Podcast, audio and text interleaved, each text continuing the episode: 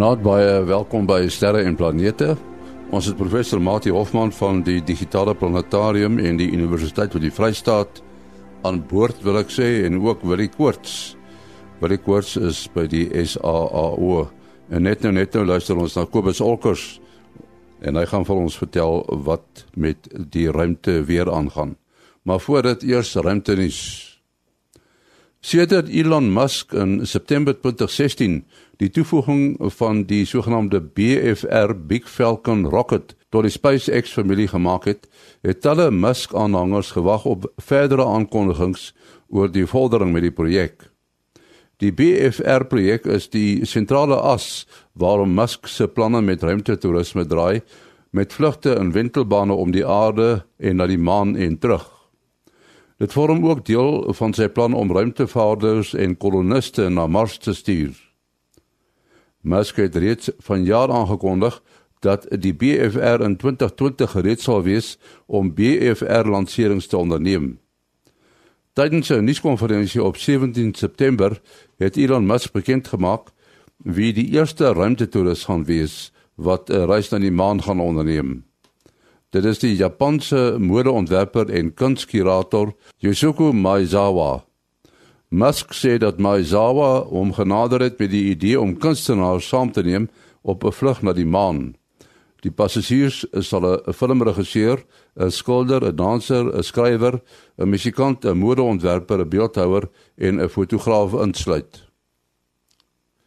Sedert ruimtevaarders vir langer tydperke in die ruimte aan sogenaamde mikrogravitasie blootgestel word, is dit bekend dat die blootstelling 'n nadelige uitwerking op gesondheid het. Dit sluit in spieratrofie en 'n verlies aan beendigtheid. Die afwesigheid van gravitasie kan ook die vermindering van orgaanfunksie, sirkulasie en selfs genetiese veranderinge insluit. Daarom is verskeie studies reeds aan boord van die internasionale ruimtestasie gedoen om die omvang van die effek van mikrogravitasie op die menslike liggaam te bestudeer. Daar word ook gekyk na maniere om die impak op die menslike liggaam te verminder. Volgens 'n onlangse studie in die Joernaal vir Molekulêre Studies moet kunsmatige gravitasie 'n kern vorm van enige langtermynplanne in die ruimte. Tot sover ruimtenis. En hier is Kobus Olkers nou met ruimte weer. Goeienaand en 'n goeienaand luisteraars. Hier sit ons nou aan die begin van 'n nuwe week met 'n son wat nie enkele sonvlek vir ons wys hier aan die aarde se kant van die son nie. Uh dit is nou maar tipies van die die laagtepunt in die sonaktiwiteit wat nou bereik is. Uh wat ons wel het is 'n klein magnetiese verstoring so op die ewenaar van die son, maar al wat hy vir ons kan kan uh, aan die gang kry is 'n is 'n klein filament en die filament uh, lyk nie asof hy enige onstabiliteit in hom het wat hy of kan platval of kan losbreek nie. Dan wat koronagate aanbetref, is ons sopas uit die sonwindstraal van die vorige een uit en maar die volgende een het reeds ingeskop. Hy sit ook naby die ewenaar van die son. Hy's gelukkig noordgerig. Hy het vanmôre se 10 uur se koers reeds uh, hier by die aarde aangekom, die eerste van sy van sy ejecta. En hy gaan waarskynlik nog tot so Woensdag se koers toe vir ons uh, verhoogde sonwind uh, spoed gee. En daar's ook 'n baie groot koronagat op die noordpool van die son. Lyk soos 'n ou mannetjie met 'n kalkop uh, met 'n kuif wat so afhang en hierdie kuif wat so afhang is naby genoeg aan die uh, son se ewenaar om vir ons uh, ook 'n bietjie versteurings te gee. Hy's reg gelukkig egter ook noordgerig en die twee saam sal geo-effektief bly soos ek gesê het tot omtrent so Dinsdag, uh, Woensdag aand, Donderdagoggend se koers. Dit gaan net ons langafstand radio uh, amateurs uh, beïnvloed en mense wat na baie ver stasies wil luister met kortgolf frekwensie sal waarskynlik 'n bietjie moet opgaan. Maar dit is die enigste effek wat ons daar gaan kry en sê jy natuurlik naby aan die, een van die pole is waar jy dalk 'n bietjie die eerste koronas, ag die eerste auroras gaan sien van die van hierdie tyd van die jaar. En dit is ons storie vir vanaand. Goeienaand almal. Kobus Olkers daar uit Florida, Amerika met ruimte weer. Ons praat dikwels uh, oor galaksies en sonnestelsels en miskien moet ons net verduidelik dalk uh, Mati Hoe verskil 'n sonnestelsel van 'n galaksie? Uh ja, 'n sonnestelsel is in vergelyking met 'n uh, galaksie baie baie klein. Ons kan maar net aan ons eie sonnestelsel dink uh in terme van uh kilometers, sê nou maar afgerond in die omgewing van uh 10000 miljoen kilometer in deursnee as jy nou tot tot by die uh, uh buitese planete werk, maar dan kan jy nou verder gaan na as jy na die Kuiperbelt toe gaan en uiteindelik die hipotetiese oortwolk. As jy nou tot by die oortwolk sou gaan, dan raak dit nou in die omgewing van 'n uh, 'n ligjaar in die deursnee.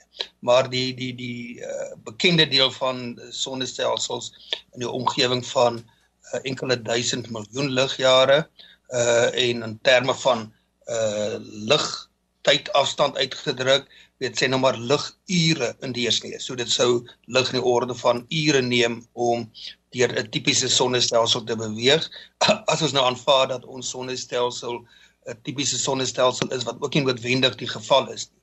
Maar 'n sonnestelsel uh, sal 'n 'n ster ten minste een ster insluit, dan kan meer as een ster wees met dan planete wat rondom uh, die uh, die ster roteer in uh, elliptiese bane. Uh, so hulle is uh, by wyse van gravitasie gebind aan ten minste een ster. 'n uh, galaksie daarteenoor is 'n stelsel wat bestaan uit uh etlike biljoene sterre. Ek weet nie wat die kleinste bekende sterrestelsel is nie, maar 'n uh, gemiddelde sterrestelsel sal in die omgewing van 200 biljoen of 200 000 miljoen uh sterre bevat. So in alledaagse taal sou mens die analogie ge kan gebruik en sê 'n ster is 'n galaksie is amper soos 'n stad van sterre. Ehm uh, en as ons nou van 'n spesifieke sterrestelsel of galaksie praat, dan kom ons nou maar net aan ons eie sterrestelsel, die Melkweg dink. Ehm um, en uh ek gebruik altyd vir die vir kinders die uh analogie om te sê maar die sonnestelsel is so, soos ons woonbuurt in die heelal, die aarde is soos ons huis uh en die Melkweg is ons uh stad van sterre. En dan is uh die stad nie alleen nie. Uh ons is in 'n lokale groep van sterrestelsels, die lokale groep, die local group. Ehm um, en die daar is ten minste 3 uh galaksies, ander galaksies behalwe ons eie, wat ons eie sien ons van binne af as die band van die Melkweg nie. Maar dan is daar nou die groot en klein Magellaanse wolke uh wat 'n mens ehm um, op die regte tyd van die jaar uh op 'n donker plek kan sien. Ons kan dit nogal uit Bloemfontein ook uit die stad uit sien as die straatligte nie in ons oë skyn nie. En dan die Andromeda sterrestelsel op 'n afstand van ongeveer 2.5 miljoen ligjare. Uh wil ek het al gehoor dat daar 'n derde een is wat bietjie verder is as Andromeda wat mense beweer mense met die blote oog kan sien, maar ek het dit nog nooit gesien nie. En dan lê in elk geval taamlik ver ver noord. Ehm uh, Nou mens sou natuurlik kon onderskei tussen baie verskillende tipes galaksies, uh verskillende groottes, ehm uh, en dan baie interessant ook natuurlik is die uh die strukture waarvolgens galaksies in die heelal groepeer. Die einde van die die getal galaksies, die sou eintlik nog nie gesien nie, né? Hoe beter jou instrumente word en hoe beter jou insig word, hoe meer van die goed gaan jy sien. Ja, en ek ek uh, meen hy het al uh honderde miljoene galaksies afgeneem. Ehm um, en verskillende sistematiese soektogte gehad. Ehm um, van die beroemdste werk wat al gedoen is is natuurlik die Hubble diep en Hubble ultra diep velde wat hulle klein spikkeltjies in die uh naghemel afgeneem het en dan het dit uh weet op sig net daai een kolletjie het uh, enkele duisend uh, sterrestelsels uh, bevat. Ehm uh, net om te verduidelik hoe groot so 'n kolletjie is wat dan 'n paar duisend sterrestelsels ten minste bevat. Uh moet jy jou voorstel jy steek 'n gaatjie in 'n stukkie karton met 'n kopspeld en jy gaan buitentoe met jou een oog korrel jy deur daardie gaatjie op uh reguit armlengte. Uh nou dit is nou omtrent die veld wat 'n groot teleskoop byvoorbeeld die Hubble teleskoop op een slag raak sien. Mens kan nie dink dat daar soveel kan wegkruip in daardie klein uh kolletjie nie. Uh maar dit is nou maar een voorbeeld uit hierdie uh die Sloans uh wy uh wat hulle nou 'n snit vat, net in een klompie rigtings kyk. Ehm um, en gegrond op die baie goeie uh, redelik goed bevestigde aanname dat die heelal op die groot skaal dieselfde is in al die rigtings, kan jy dan statisties bereken as daar nou in 'n uh, eh, sekere willekeurige geselekteerde rigtings 'n uh, uh, 'n sekere aantal sterrestelsels is, dan kan jy dit nou vir algemeen en 'n skatting gemaak van hoeveel sterre uh, stelsels daar in die heelal is. Dit raak natuurlik nou 'n probleem as jy baie baie ver kyk, dit raak baie dof. Ehm uh, ek weet nie presies hoe hulle daardie probleem hanteer om 'n skattings te maak van waar jy nie regtig meer goed kan sien nie. Maar dit is hoekom dit altyd belangrik uh, is vanuit die oogpunt van die basiese wetenskap om uh, kragtiger en kragtiger teleskope te bou sodat jy verder en verder kan kyk. Ja, jy dit is so so ons ons praat nou van die sterrestelsels. Maar die sterrestelsels is nie almal dieselfde nie, né? Daar daar is verskillende soorte sterrestelsels. Ja, dis korrek. Ehm um, soos uh, Martin nou ook beskryf het, uh onder andere genoem van die Magellaanse wolke. Magellaanse wolke is natuurlik nou die maklikste galaksies wat met die blote oog sigbaar is en vir ons lyk dit net soos 'n wolkie soos soos wat die naam sê. Uh dis natuurlik ook Magellan die ou seevader wat dit eerste keer ontdek het toe hy nou suid gevaar het en gesien dat hierdie hierdie wat lyk soos wolkies en interessant genoeg enigste noem dit nou maar sterre liggame wat vernoem is na 'n streek praat van die Kaapse wolkies partymal en ehm um, uh, en maar dit lyk nie juis of hulle enige vorm het nie. Nou uh mense wat dit in 3D bestudeer het al uh, uh en hoe hulle dit doen is natuurlik hulle meet die afstand na die individuele sterre in so 'n stelsel uh wat ons kan doen met die uh Magellaanse wolke omdat dit so naby aan ons geleë is. Um en het gesien dat dit lyk eintlik soos 'n spiraalstelsel wat effentjies uit uitmekaar uit ge ge, ge, ge, getrek is hierso. Nou ja, die meeste van die uh galaksies waaraan ons dink is dan spiraalstelsels en dis ook 'n redelike groot hoeveelheid van hulle wat wat dan spiraalstelsels is en uh dit is natuurlik met die die manier hoe die goed gevorm het kry jy amper hierdie draaikolk soos wat ons nou ook sien in hierdie uh in hierdie uh vreeslike tifone en en uh, uh warrelwinde kan jy dit amper sê wat wat die vreeslike skade aangerig het. So jy, dit is 'n tipiese ding in die natuur om daardie vorm aan te neem. Um maar dan uh, uh, uh is dan daar's 'n hele klompie verskillende vorms ek ek kan nie eens ondink uit my kop uit hoeveel vorms nie. Um een van die vorms wat hulle geneig is om te noem, noem dit 'n baard spiral, spiral. Um en die baard kom aan soos 'n staaf en en dan kry jy uh, dat ehm um, dat die in plaas van 'n klomp arms wat opgewen is, uh, kry jy eintlik gewoonlik twee hoofstawe uh uh, uh reguiter gedeeltes wat dan wat dan die die die ehm um, die sikloentjie vorm.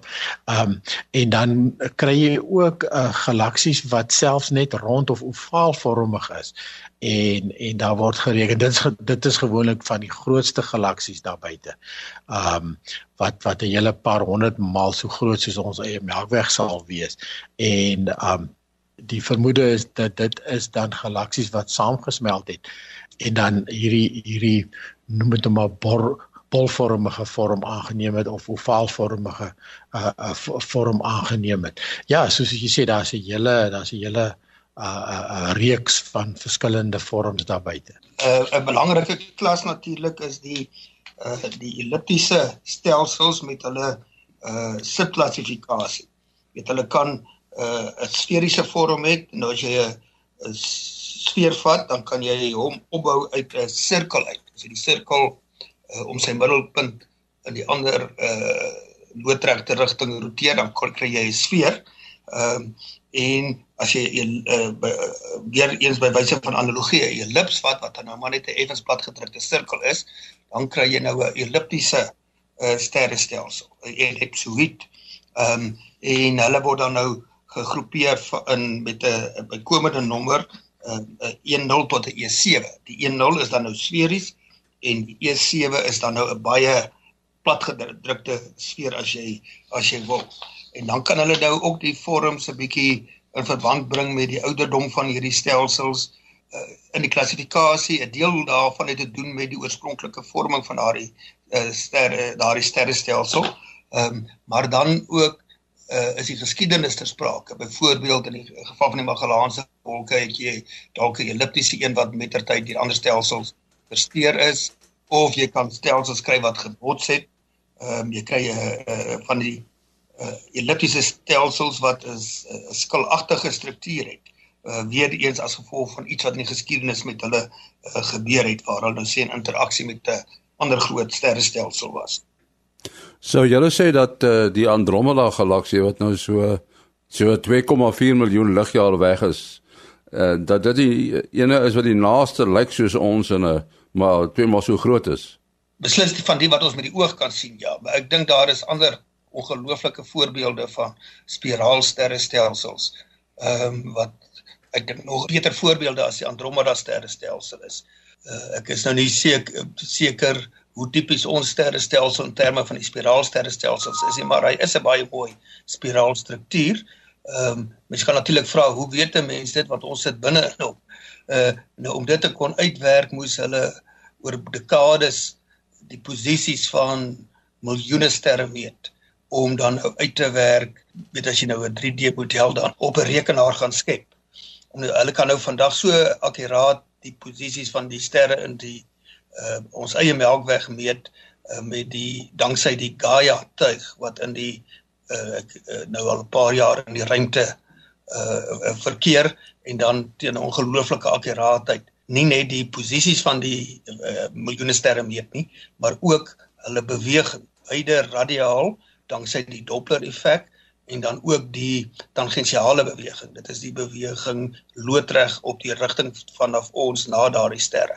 So jy dan die driedimensionele snelheid natuurlik nie tot uh, in alle gevalle tot 'n verskriklike hoë akkuraatheid nie. Sê nou maar 30% akkuraatheid tot 1% akkuraatheid afhangende hoe ver hulle is. En as mens nou so 'n bietjie gaan soek op die uh, op die internet, dan kan jy nou uh, en op YouTube, dan kan jy animasies kry vind wat wys hoe hierdie sterre in die Melkweg in die volgende hipotetiese 2 miljoen jaar gaan beweeg. So dis nogal ongelooflik uh, die sprong in inligting oor die beweging van die sterre in ons Melkweg. Ja, maar kom ons spring nou na iets heel anders. Ons weet nou al van uh Alpha Centauri, dis nou die naaste ster naas die son aan ons, so 4,3 ligjaar van ons al weg. Maar daar's ook so iets soos uh uh Proxima Centauri. Maar daar's 'n Proxima B. Wat presies is dit? Uh nee, uh, as dit nou by sterre en eksoplanete kom en 'n ster het 'n bepaalde naam, uh dan word die eerste eksoplaneet wat ontdek is by daardie ster uh, kry dan die lettertjie B by. So Proxima Centauri het hulle dan 'n eksoplaneet ontdek, Proxima B. En wat nogal besonder is is dat dit is uh, al dis redelik onlangs Augustus 2 jaar gelede. So net meer as 2 jaar gelede. Uh maar hierdie Proxima B is dan ook sommer in die bewoonbare sone van daardie ster. Wat glad nie beteken dit is noodwendig bewoonbaar nie. Uh dit beteken bloot uh die afstand wat hy vanaf daai bepaalde tipe ster is in uh, Proxima B is eintlik 'n baie dowwe sterretjie.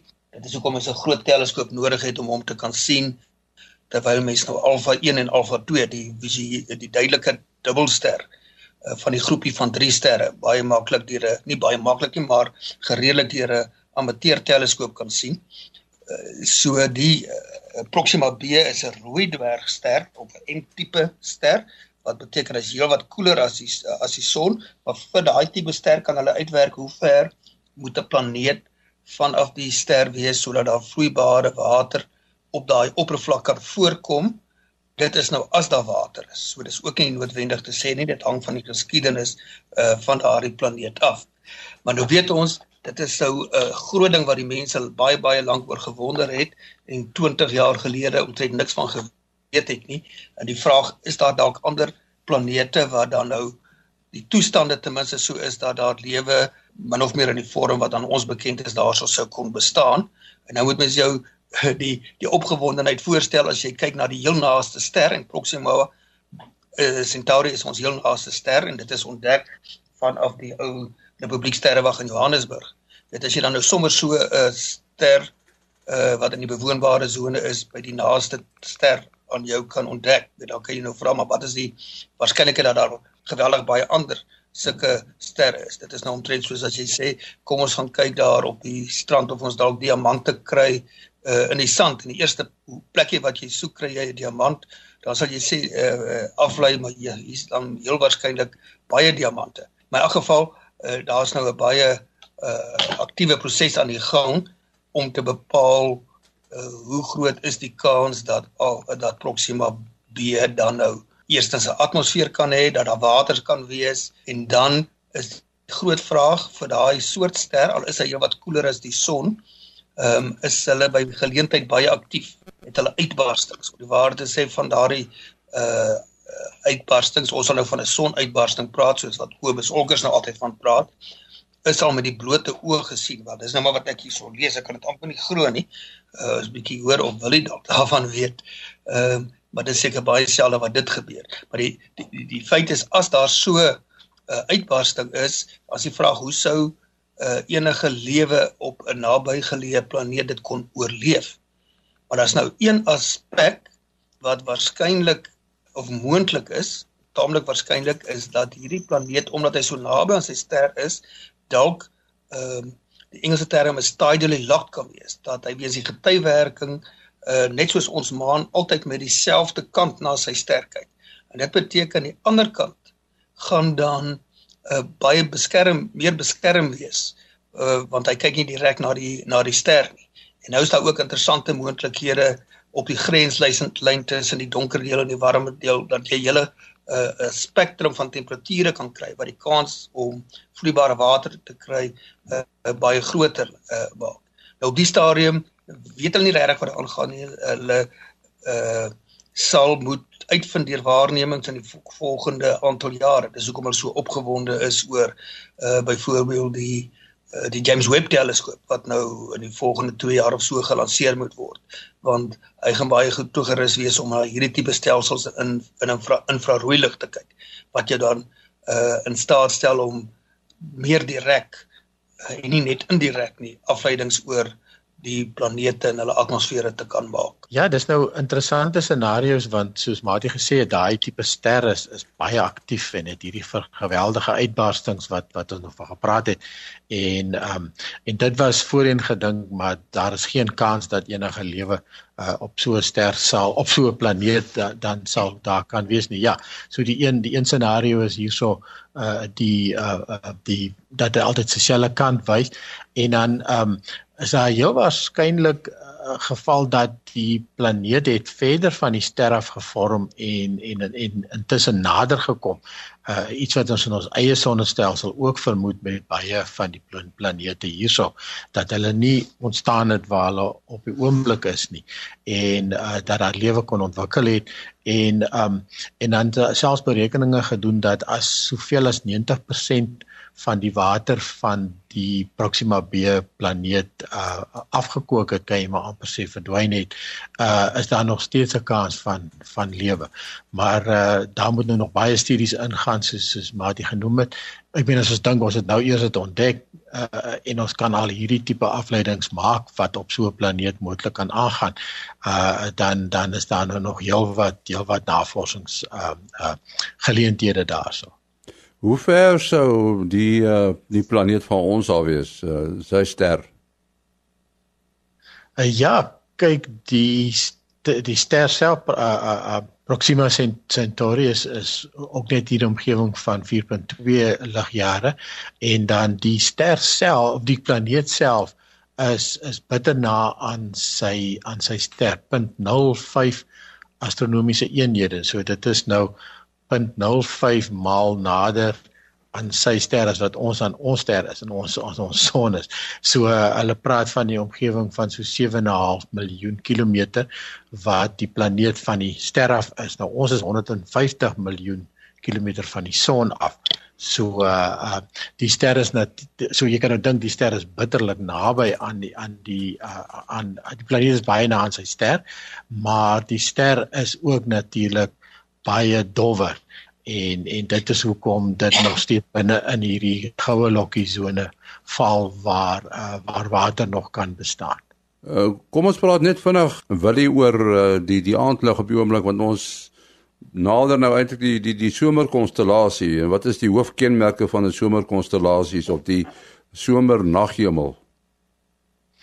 Ja, dis korrek soos jy sê die die laaste styptrekkings van die winternaghemel dit voel seker vir julle somer daar in die noorde waar by ons is dit besig om te sneeu. So dat dat dat mense onmiddellik begin dink dat die somerkonstellasies moet begin uitkom. Ja die die dominante somerkonstellasie is natuurlik Orion en Orion is nou al soggens um voor dit voor die son opkom sit Orion al redelik hoog en reg oor Orion is natuurlik die uh Skorpioen.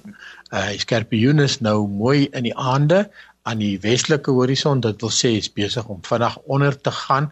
Uh die hele Skorpioen kan jy nou nog sien voor dit nou begin afsak na die na die horison se kant toe. Soos jy sê die die planete die ou 4 van die 5 uh uh sigbare planete sit nou baie mooi. Um uh die Venus die aandster kan mens nie mis nie. Uh, Venus is, is baie na aan op sy helderste en dit sit dan naaste aan die aan die westelike horison en dan net so entjie bokant Venus sit Jupiter. Uh Jupiter is gewoonlik die tweede helderste planeet. Uh Jupiter en Mars wat dan reg bo aan jou kop sit is is besig om mekaar lekker die geveg aan te sê oor wie wil die helderste wees. Mars het nou intussen 'n bietjie dowwer geword. Uh soos Mars begin wegbeweeg het van ons af. Um maar die twee is nog baie na aan die aan dieselfde helder helderheid en dan en dan bokant uh, Jupiter sit die skorpioen. Uh uh mens kan die skorpioen maklik uitken aan sy krulster. Dit is die maklikste gedeelte om hom te herken en op die oomblik sit hy met sy kop onder toe met die stert na boontoe. Uh en dan uh, Saturnus is is ook daar naby die skorpioen gedeelte.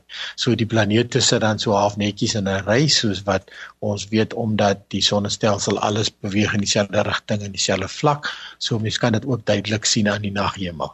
Hmm uh Henny, ek wil nou uh ek wil nou nie spog nie, maar ek wil net uh sê hoe windend dit was die afgelope week uh om weer uh vir 'n uh ja, die eerste keer in 'n rukkie weer mooi na Saturnus te kyk. En hy sit nou baie hoog hier, hier bo ons. En toe ek nou die eerste keer in my lewe gelyktydig die skaduwee wat die ring uh op die planeet gooi en die skaduwee wat die planeet op die ring aan die teenoorgestelde kant kant gooi uh, te kon sien. Uh mense nou dit was baie mooi skerp, stabiele toestand in die atmosfeer en ons het 'n besoeker hier uit Frankryk gehad en hy wou toe baie graag na Saturnus kyk en uh, ons het dit het ons nogal 'n hele rukkie besig gehou om daai skaduwee te kon sien. Die die die agterste skaduwee van die uh, planeet op die ringe het net so bo die uh, planeet self uitgesteek. Ek weet nie uh, wil jy of jy dit al so kon sien? Nee, nee, dit klink vreeslik opwindend. Ek voel sommer lus en laat hierdie skoue front verbygaan. My teleskoop weer 'n slag lekker uit. ja. Ja. Ja. Ek die kant van die ringe is nou nou, nou net reg. Kyk, soos die planeet nou rondom die aarde beweeg, kom daar die tye wat ons reg van die kant af na die ringe kyk, dan lyk dit net soos oortjies amper, so streepie deur Saturnus. Maar nou het hy 'n mooi kanteling. Ehm um, en die die kanteling moet mooi reg wees sodat jy daai skade wees kan mooi sien. Ons sluit af uh wat is jou besonderhede? Ja, mense kan bel SMS of WhatsApp 0724579208. 0724579208. En dan Mati? Uh selfoonnommer 083 625 7154. 0836257154. En dan my e-posadres maas.henny@gmail.com. maas.henny@gmail.com. Ons is volgende week terug, dit jou saam met Japie van Sail.